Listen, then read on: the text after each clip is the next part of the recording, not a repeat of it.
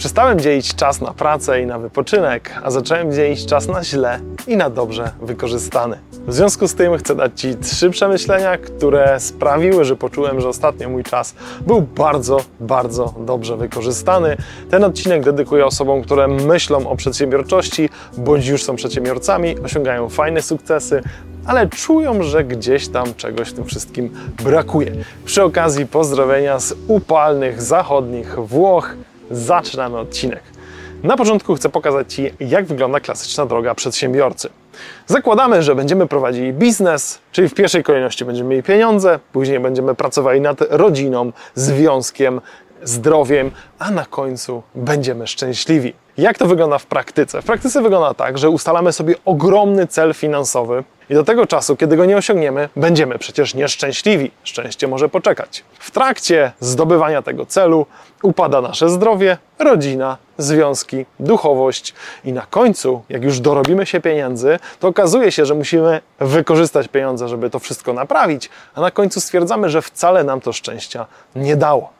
Tak to wygląda w praktyce. Większość przedsiębiorców, których znam, tak właśnie podeszła do przedsiębiorczości. W pierwszej kolejności chcę powiedzieć Ci, jak ja do tego wszystkiego podchodzę. Zrozumiałem i dużo czasu mi to zajęło, żeby to tak naprawdę zrozumieć i wdrożyć u siebie w życiu, że jeżeli nie cieszę się z małych rzeczy tu i teraz, czyli nie wykorzystuję szczęścia w tym momencie, to niezależnie od tego, ile osiągnę, jak będę miał to wszystko poukładane, to i tak znajdzie się chociaż jeden dzień w tygodniu albo kilka dni w tygodniu, które po prostu będą kiepskie wstanę lewą nogą, nie będzie mi się chciało, będzie zła pogoda, będzie coś, co po prostu mnie wkurzy. I okaże się, że to szczęście budowane tak skrupulatnie, nagle okaże się, że nie jest osiągalne cały czas. No bo patrzcie, dokładnie tak samo jak ze zdrowiem, z rodziną, z małżeństwem, ze związkiem, z duchowością, tak samo nie da się odhaczyć zdrowia. To nie jest tak, że ja w pewnym momencie się obudzę i powiem, no dobra, zdrowie mam już odhaczone, więc nic więcej w życiu nie muszę robić. Pamiętam jak w odcinku na Okinawie wspominałem właśnie o grze nieskończonej od Simona Sinka. Polecam jeszcze raz to nagranie, gdzie omawia, jak wygląda gra nieskończona. Tak naprawdę związek, zdrowie, duchowość, to wszystko jest grą nieskończoną. Nie da się w pewnym momencie odhaczyć zdrowia albo duchowości, to jest po prostu ciągły proces. Do tego jeszcze przejdziemy ciągłego procesu, bo jest coś, co naprawdę ułatwia nam bycie w tym procesie, ale to może zostawimy sobie na koniec patrząc na to z tej perspektywy, to wiem już, że cała przedsiębiorczość nie może być kosztem wszystkich innych rzeczy. Wiadomo, na samym początku też przez lata pracowałem po 16 godzin dziennie, zaniedbywałem inne rzeczy, ale zrozumiałem, że wiele z tych decyzji zupełnie nie było potrzebnych.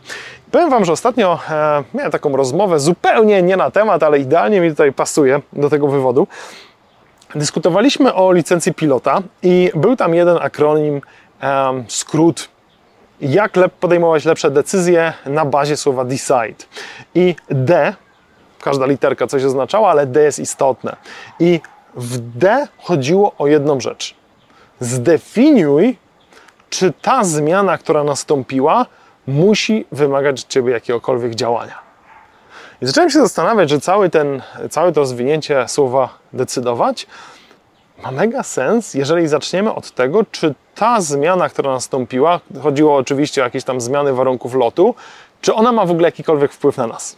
Bo ja zauważyłem, że często przedsiębiorcy, jak już nie mają dużych celów, dużych wyzwań, to nagle zaczynają taki e, micromanagement, coś po, zaczynają poprawiać, zaczynają poprawiać drobne rzeczy. I ja też się na tym złapałem. Też się złapałem na tym, że w całym tygodniu ten może jeden, dwa dni są faktycznie takie, że pracuję nad czymś dużym, rozwijam się, a pozostałe trzy dni to jest takie trochę na siłę wypełnianie dnia pracy. Ok, jestem już w biurze, no to przecież coś zrobię. I zaczynają się takie drobne pierdoły, wymyślania, a jak teraz podczas tych wakacji usiadłem i zastanowiłem się, co ja w tym wszystkim lubię robić co daje mi najlepsze efekty, czego mógłbym w ogóle nie robić, to okazało się, że faktycznie większość czasu, który spędzam w tej, e, w tej mojej działalności biznesowej, jest czasem technicznie straconym. Czasem na wymyślanie, przemyślenia, mikrozmiany, zupełnie nie ma to sensu. Tylko dlatego, że narzuciliśmy sobie, że mamy pracować 5 dni w tygodniu. I powiem Wam, że taki w ogóle koncept, który chodzi od, za mną już od dłuższego czasu, wdrażałem go kiedyś, później o tym zapomniałem, później wdrożyłem to znowu i później znowu o tym zapomniałem, to był koncept wolnych śród. Um, tak naprawdę wtedy oznaczało to, że mam co najmniej 3 dni wolne w tygodniu, czyli piątek, dobra, sobotę, niedzielę i tą środę. Najczęściej i tak okazywało się, że gdzieś tam w sobotę albo w niedzielę coś mi wyskakiwało, jakiś wyjazd, jakieś szkolenie, jakaś konferencja. Więc ta wolna środa, powiedzmy, że czasem była jedynym wolnym dniem w tygodniu. Ale to pozwoliło mi tak jakby w ogóle zakwestionować, czy cały ten układ tygodniowego, tygod, tygodnia pracy, e, że pracujemy od poniedziałku do piątku, a w weekend odpoczywamy i później znowu mamy ten poniedziałek, czy to ma w ogóle sens? I idąc tym dalej, zrozumiałem, że najlepsze dla mnie wyjazdy to niekoniecznie są 2, 3, 4 tygodnie, czy nawet cała zima w Miami, a najwięcej radości czerpię z takich małych wyjazdów, które są od niedzieli do wtorku, które pozwalają mi zresetować się, które pozwalają mi się zastanowić. I największe decyzje biznesowe, które nie były okupione tak naprawdę ciężką pracą, czy takim zażynaniem się po te 8, 10, 12 godzin dziennie, to były momenty, kiedy mogłem się zastanowić. Mogłem spojrzeć z boku na swój biznes, na siebie, zastanowić się, wejść trochę głębiej w samego siebie. I właśnie tutaj płynnie przechodzimy do tego, no to może najpierw zanim przejdziemy do tego drugiego punktu, to pytanie do Ciebie, czy nie masz też tak, że część godzin każdego dnia po prostu tracisz na to, że masz takie poczucie, że musisz pracować x godzin, bo jak nie będziesz pracować x godzin, no to znaczy źle o tobie. A właśnie my powinniśmy, że oczywiście naszym celem jest pracować mniej, wynagradzać siebie za to, że skończyliśmy zadania w krótkim czasie i nie siedzieć na siłę, tylko pojechać do domu. No i właśnie, przechodzimy do drugiego punktu, który jest dla mnie dość mocny i szokujący, e, ale niestety tak funkcjonujemy. Większość z nas uczy się ciągle, jak kontrolować innych w kontekście budowania relacji z nimi, w kontekście perswazji, sprzedaży, negocjacji, a tak naprawdę w tym samym czasie nie poświęca ani minuty, żeby bardziej kontrolować siebie. A to w tym miejscu uważam, że większość z nas ma największy problem. Większość z nas ma problem z samokontrolą nad e, tak zwaną przysięgą, przysięgą ze samym sobą, zobowiązaniem w stosunku do samego siebie.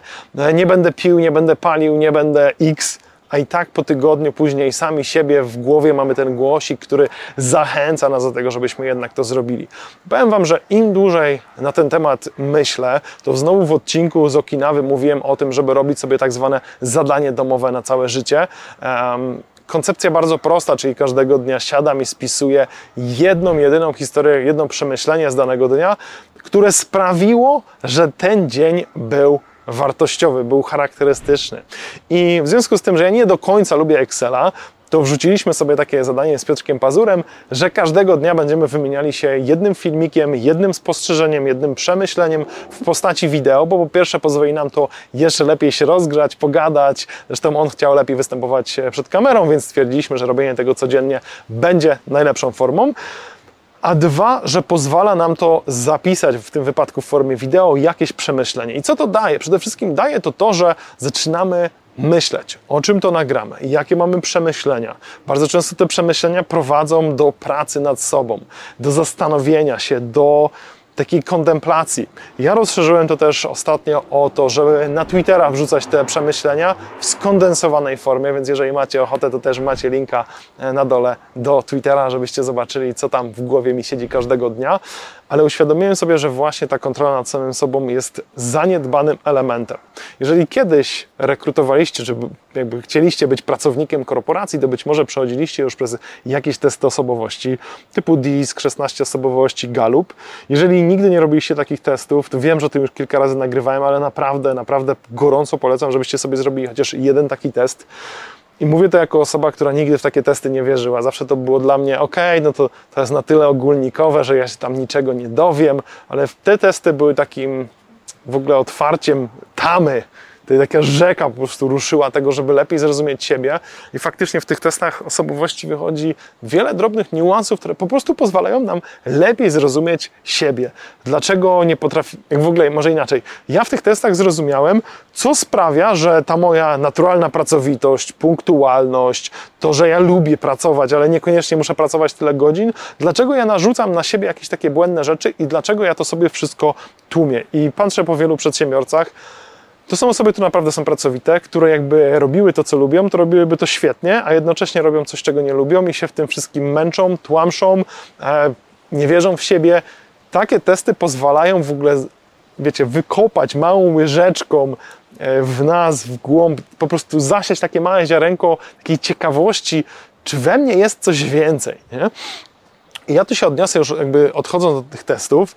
E, na wakacje zupełnie przypadkiem moja żona kupując różne książki na wyjazd kupiła też książkę Miłość z ADHD. E, patrząc po tym ile ja macham rękami, no to pewnie domyśliliście się, że z tym ADHD to chodziło o mnie. E, I faktycznie patrząc na to, no to pewnie kiedyś byłbym już zaklasyfikowany jako ADHD i teraz przeczytaliśmy tą książkę i powiem tak uczciwie, że ja byłem w szoku. Nie wyobrażam sobie dlaczego tak późno w ogóle zainteresowałem się tematem. On był tak, wiecie, blisko przed moimi oczami bo zawsze wiedziałem, że jakiś tam ADHD we mnie siedzi, ale nigdy sobie nie przeczytałem książki na ten temat. Zaczęliśmy czytać tą książkę i generalnie kopara mi opadła. Trochę tak jak ktoś mi zaczyna mówić o czy opłaca się wynajmować mieszkanie i jakie mogą być problemy, no to ja oczywiście jestem kompendium wiedzy. Wiem wszystko, jestem w stanie wskazać problemy, zagrożenia, sytuacje, historie. Dokładnie było tak samo w tej książce, że zaczęliśmy to czytać i w w zasadzie niedawno mieliśmy dziesiątą rocznicę naszego ślubu przechodząc przez tą książkę, było widać, ile rzeczy mogliśmy uniknąć, głupich sytuacji, gdybyśmy tylko mieli przeczytaną tą książkę. Oczywiście łatwo jest mówić po fakcie, no bo już przecież przerobiliśmy tę historię, już to wiele rzeczy zaobserwowaliśmy, no ale właśnie się poczułem jak ten właściciel mieszkania na wynajem, który po 10 latach problemów z najemcami, problemów z mieszkaniem, bycia taki sam sobie, nagle przeczytałem książkę i mówię, ja pierdzielę, jakie objawienie, ile z tych elementów jest istotnych. I bardzo często my nawet nawet to wszystko wiemy, to jest dość oczywiste. No bo jeżeli ja komuś mówię, jak lepiej zarządzać mieszkaniami, to, to większość rzeczy jest oczywista. Ale ona jest tak rozsypana w głowie ludzi, że oni nie mają tego poukładanego w proces. I faktycznie przechodząc sobie przez taką książkę, człowiek zaczyna tak rozumieć siebie i mówisz, kurde, przecież było tyle sytuacji biznesowych, życiowych, relacyjnych, których dało się naprawdę uniknąć. Niestety nie wszystkie śmieszne historie mogę opowiedzieć, ale faktycznie zdarzają mi się różne głupkowate sytuacje w związku z tym, że e, wybucham emocjonalnie, potrafi mnie coś po prostu wkurzyć w milisekundę, a po dwóch, dwóch sekundach już żałuję swojej głupiej reakcji. Jest wiele takich rzeczy, które pozwalają po prostu, jak już to rozumiemy, wdrożyliśmy, zastanowiliśmy się nad tym, to one potrafią nas wyrwać z tej automatyzacji, którą nasz, nasz mózg nam po prostu serwuje. Czyli jeżeli wiem, że wkurzają mnie głośne dźwięki typu szczekający pies, no to pierwszym, pierwszą reakcją byłoby się wkurzyć, dać się ponieść tej energii. A z drugiej strony, ok, no to już wiem, że takie coś mnie wkurza, jeżeli to słyszę, to mam taką, wiecie, ten moment reakcji na to, żeby zdecydować, ok, chcę to wkurzenie, czy nie chcę tego wkurzenia. I tu właśnie przechodzimy do trzeciego punktu, który obiecałem już na samym początku. Uważam, że jest coś strasznie ignorowanego, bardzo podobnego do, tego, do tej kontroli zrozumienia samego siebie, co przyda się wielu przedsiębiorcom. I jest to strasznie błahe, a jednocześnie jak to, może już to wiecie, ale jak to zrozumiecie i zacznie, zaczniecie świadomie na to patrzeć, to jest pff, słownictwo. Jakich słów używamy i jakich kompozycji zdaniowych, jak narzucamy na siebie pewne ramy, że ja coś muszę, że ja coś powinienem, ale nie o tym dzisiaj, bo o tym już opowiadałem w odcinku z Okinawy. Dzisiaj trochę to rozszerzę. Ostatnio usłyszałem genialne zdanie od miliardera, chciałbym medytować, chciałbym medytować więcej i bardziej regularnie. No i przez, usłyszałem takie jedno zdanie od, od miliardera, który powiedział: Nie wiem, co jest trudnego w medytacji. Przecież wystarczy nic nie usiąść i nic nie robić przez godzinę. I teraz zobaczcie, jak to zadziałało. Po prostu dla mnie zupełnie zmieniło to moje spojrzenie na medytację. Po pierwsze, dlatego, że medytacja dotychczas wydawała mi się z ćwiczeniem lub z pracą. A on powiedział, że medytacja to jest po prostu odpoczynek. I ja mówię, o kurde, faktycznie zobaczcie, praca versus ćwiczenie versus odpoczynek. A druga rzecz to jest, jeżeli miliarder potrafi medytować godzinę, to moje 10-15 minut to to jest nic no to ja powinienem pół godziny spokojnie to robić. Nie? W ogóle też najśmieszniejsze jest to, że kiedy usłyszałem to pierwsze zdanie, to jeszcze słuchając, słuchałem jednocześnie książki, później słuchałem podcastu, a później jeszcze czytałem sobie Twittera i w trzech miejscach trzech różnych miliarderów dokładnie napisało o medytacji, więc mówię, to jest jakiś znak. I powiem Wam, że poszedłem pomedytować. Usiadłem i mówię, nie narzucam nic na siebie, potraktuję to jako odpoczynek, nie wrzucam żadnego timera, wrzucę sobie stoper z ciekawości, ile mi wyjdzie 36 minut medytowałem, gdzie dla mnie normą i takim już maksem jest 15 minut, gdzie ja wręcz zastanawiam się, kiedy ta medytacja się skończy. W tym momencie mam 36 minut. Bo zobaczcie, co się zmieniło. Zmieniło się tak naprawdę tylko moje postrzeganie tej medytacji. Zamiast ćwiczenie i praca i zrobię odbębnie 15 minut, to nagle ja mam odpoczynek przez godzinę, czy ile chcę, i po prostu wystarczy nic nie robić. Wiadomo, medytacja to jest zdecydowanie coś więcej niż tylko nic nie robienie, ale to mi uświadomiło, że w wielu miejscach my sami narzucamy sobie pewne e, przekonania językowe, może nie przekonania, może jakieś takie zdania, frazesy, e, typu, wiecie, na przykład jeżeli ja uważam, że poszczenie, czyli niejedzenie, czyli odpoczynek, przerwa od jedzenia, to jest coś fajnego i zdarzało mi się i nie jeść przez 48 godzin, 72 godziny, rekord to powiedzmy 5 dni. Wiem, że są więksi rekordziści u mnie na kanale, nawet 10, kilkanaście dni, szacun pełen, ale dopóki ja nazywałem niejedzenie głodówką, to z czym ci się kojarzy głód? No z cierpieniem, z tym, że jestem głodny, że muszę coś zjeść. I dla mnie głodówka to była taka walka. Nie jem trzy dni i uważałem, że to jest coś wielkiego. W momencie, kiedy zastanowiłem się, że tak naprawdę głodówka to jest równie dobrze odpoczynek od jedzenia, że mogę sobie w tym momencie odpocząć, moje ciało może sobie odpocząć, moja głowa od myślenia, co zjemy, jak to przygotować, od przygotowywania, od przeżuwania, od strawienia. Moje ciało sobie może od tego odpocząć. Ile jest jeszcze elementów? Zacznij zwracać uwagę, jak do siebie mówisz, jak się komunikujesz z innymi. Bardzo fajny przykład to był, może nie będę go rozszerzał, bo pewnie widzieliście go w niejednym artykule, ale na przykład, jeżeli ktoś na ciebie poczekał, spóźniasz się 5 minut, ja nie lubię się spóźniać, ale czasem się zdarza, to zamiast mówić, słuchaj, przepraszam cię, że się spóźniłem, od razu to daje, wiecie, niższą energię, już są przeprosiny, już jest takie e, głupia sytuacja. Dziękuję Ci za to, że poczekałeś. Doceniam. Zobaczcie, jak zupełnie inna energia jest, a jest dokładnie ta sama interakcja. I my w wielu miejscach, czy ja w wielu miejscach, zacząłem się zastanawiać, co jeszcze wypowiadam, gdzie jeszcze się łapię, że mówię, że coś jest przymusem, że coś muszę, że coś powinienem. E, gdzie są te sytuacje, że coś, ten komunikat, oczywiście nie mówię o jakiejś manipulacji, ale gdzie komunikat negatywny albo neutralny byłbym w stanie przekazać trochę bardziej pozytywnie i jakie słowa, jakie rzeczy ja sam do siebie mówię. Myślę, że takim fajnym e, tutaj podsumowaniem będzie jeszcze jedno stwierdzenie, podsunięcie. Oglądałem ostatnio genialny odcinek o tym, dlaczego nie warto pić alkoholu. I kiedyś już miałem taką fazę, 3,5 roku faktycznie zrezygnowałem z alkoholu. I ja w ogóle nie miałem czegoś takiego wtedy, że pomyślałem sobie, o alkohol, chyba się napiję, o ktoś mnie namówi zaraz. Nie, ja po prostu stwierdziłem, że Wtedy miałem taką zajawkę, że chcę przetestować różne rzeczy pod kątem zdrowotnym. E, testowałem i keto, i właśnie te głodówki, i IFA, no i właśnie nie picie alkoholu. I pamiętam, że głównym moim motywatorem właśnie do zrezygnowania z alkoholu było właśnie to zdrowie, czyli miałem jakąś tam motywację. I teraz dlatego mówię o motywacji, bo wiem, że często przedsiębiorcy też mają jakąś tam motywację, zaczynają biznes, po jakimś czasie ta motywacja opada, bo na przykład okazało się, że ja zaczynam biznes po to, żeby mieć więcej pieniędzy i więcej czasu, albo nieruchomości i po jakimś czasie okazuje się, że wcale nie mam więcej czasu, wcale nie mam więcej pieniędzy i jakoś po prostu rezygnuję. Albo dobra, mam więcej pieniędzy, ale wcale nie mam więcej czasu. I to często nie ten biznes albo nie te nieruchomości są problemem, ale nasze podejście do tego, ale to jest jakby poboczna sprawa. E, zmierzam bardziej do tego, że ja miałem pewną motywację w stosunku do keto, miałem pewną motywację w stosunku do zrezygnowania z alkoholu. Po pewnym czasie zrozumiałem, że aż tyle benefitów to mi nie daje, więc tak naprawdę łatwo przy braku tej motywacji wkradło się to z powrotem, że znowu jadłem węglowodany, znowu gdzieś tam sięgałem po drineczka, po jakieś piwko. I było to niby fajne, ale nie do końca, bo nie byłem z tego zadowolony. Mówię, kurde, miałem kiedyś przecież taki okres przez 3,5 roku, nie miałem w ogóle potrzeby. Nawet patrzyłem na ludzi, którzy piją alkohol i mówiłem sobie, kurde, kiedy to jest bez sensu. Nie? I od pewnego czasu zacząłem się zastanawiać, obejrzałem ten filmik o, o, alkoholu i on bardzo fajnie pokazał i zarzucił taką jedną rzecz, że bardzo często my sami w głowie mamy taki wewnętrzny głos, że jak nasz przyjaciel, nasz kumpel by mówił w ten sposób do nas, to nie byłby naszym kumplem, bo my tak naprawdę w głowie bardzo często brzmimy jak nasz największy wróg. Nie wiem, czy też tak masz, ale faktycznie często my sami jesteśmy tymi e, najgorszymi własnymi krytykami. Nie? Zresztą często martwimy się, się o rzeczy, które nawet nigdy się nie wydarzą.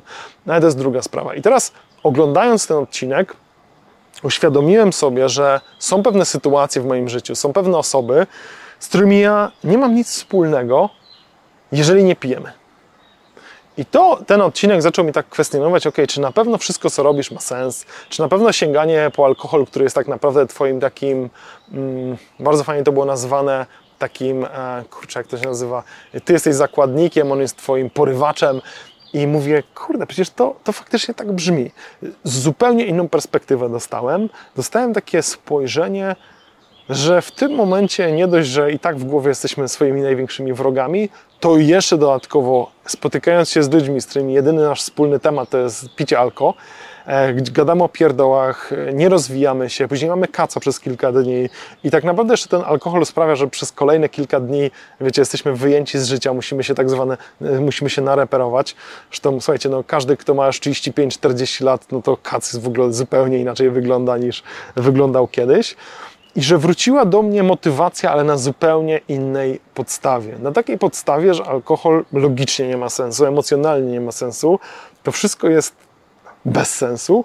I jeszcze na koniec dnia, jeżeli przez tydzień, dwa tygodnie, trzy tygodnie zaczniesz analizować i to, w jaki sposób się odzywasz, jakich słów używasz, w jakich sytuacjach się znajdujesz, z kim się spotykasz, kim się otaczasz, jakie eventy w ogóle Cię e, spotykają, czy tam sytuacje, czy jakieś konferencje, że fundamentem tam, jak wiecie, mamy fajnych ludzi, konferencja nieruchomościowa, konferencja biznesowa, ja nie musiałem nigdy wypić ani grama, żeby się dobrze bawić z ludźmi i pogadać, a znowu znajdowałem się w sytuacjach, gdzie no bez paru piw nie dało się pogadać, nie? I często się okazuje, że nawet jak, okay, przestajesz pić, widzisz te osoby, które piją, to mówisz, ja pierdzielę, ja też jest taki po prostu półgłówek. No albo druga opcja, okazuje się, że z tymi ludźmi da się pogadać o czymś na trzeźwo też, tylko sami przyzwyczailiśmy się do tego, że zawsze musimy spożywać alkohol. Dobra, nie miało być o alkoholu, miało być o tym, jakich słów używamy. Więc podsumowując, w pierwszej kolejności przedsiębiorcy zbyt mocno cisną do tego, że pieniądze dadzą im szczęście. Jeżeli nie zaczniemy z tego korzystać już teraz, z tego szczęścia, spoglądać na swoje zdrowie, relacje, nad pracę nad sobą, to pieniądze nie zmienią naszego życia. Chociaż łatwo jest oczywiście mówić komuś, kto już te pieniądze ma, ale taka porada, jakbym się cofnął w czasie, to wiedziałbym, że zaharowywanie się kilkanaście godzin dziennie przy rzeczach, których ja wcale nie lubię, nie skupianie się na ważnych rzeczach nie jest dobrym kierunkiem. Po drugie, powiedziałbym, że e, ta kontrola samego siebie, zrozumienie samego siebie przede wszystkim, a po trzecie słownictwo, jakiego używamy, jakie zdania sami sobie mówimy, jakich e, słów używamy i w ogóle takie bardzo fajne to jest w Stanach. Ostatnia rzecz, bardzo fajną w Stanach rzecz jedna osoba pokazuje, bardzo często sięga po to, jakie ma znaczenie prawdziwe to słowo, skąd ono pochodzi. Często słowa w angielskim są z greki, z łaciny, i idąc głębiej, skąd te słowa przyszły, bardzo często okazuje się, że słowa mają głębsze znaczenie, ale myślę, że to jest temat na następny odcinek. Słuchajcie, temat nietypowy, trochę dłuższy odcinek mi wyszedł. Dajcie znać koniecznie w komentarzu, czy te przemyślenia były dla Was jako przedsiębiorców, inwestorów przydatne. E, namieszały ostatnio sporo w mojej głowie. Mam nadzieję, że w Twojej pozytywnie też. Warto zrobić sobie rachunek sumienia, zadać sobie pytania, które zadawałem w tym e, odcinku. No i dzięki za obejrzenie. Cześć.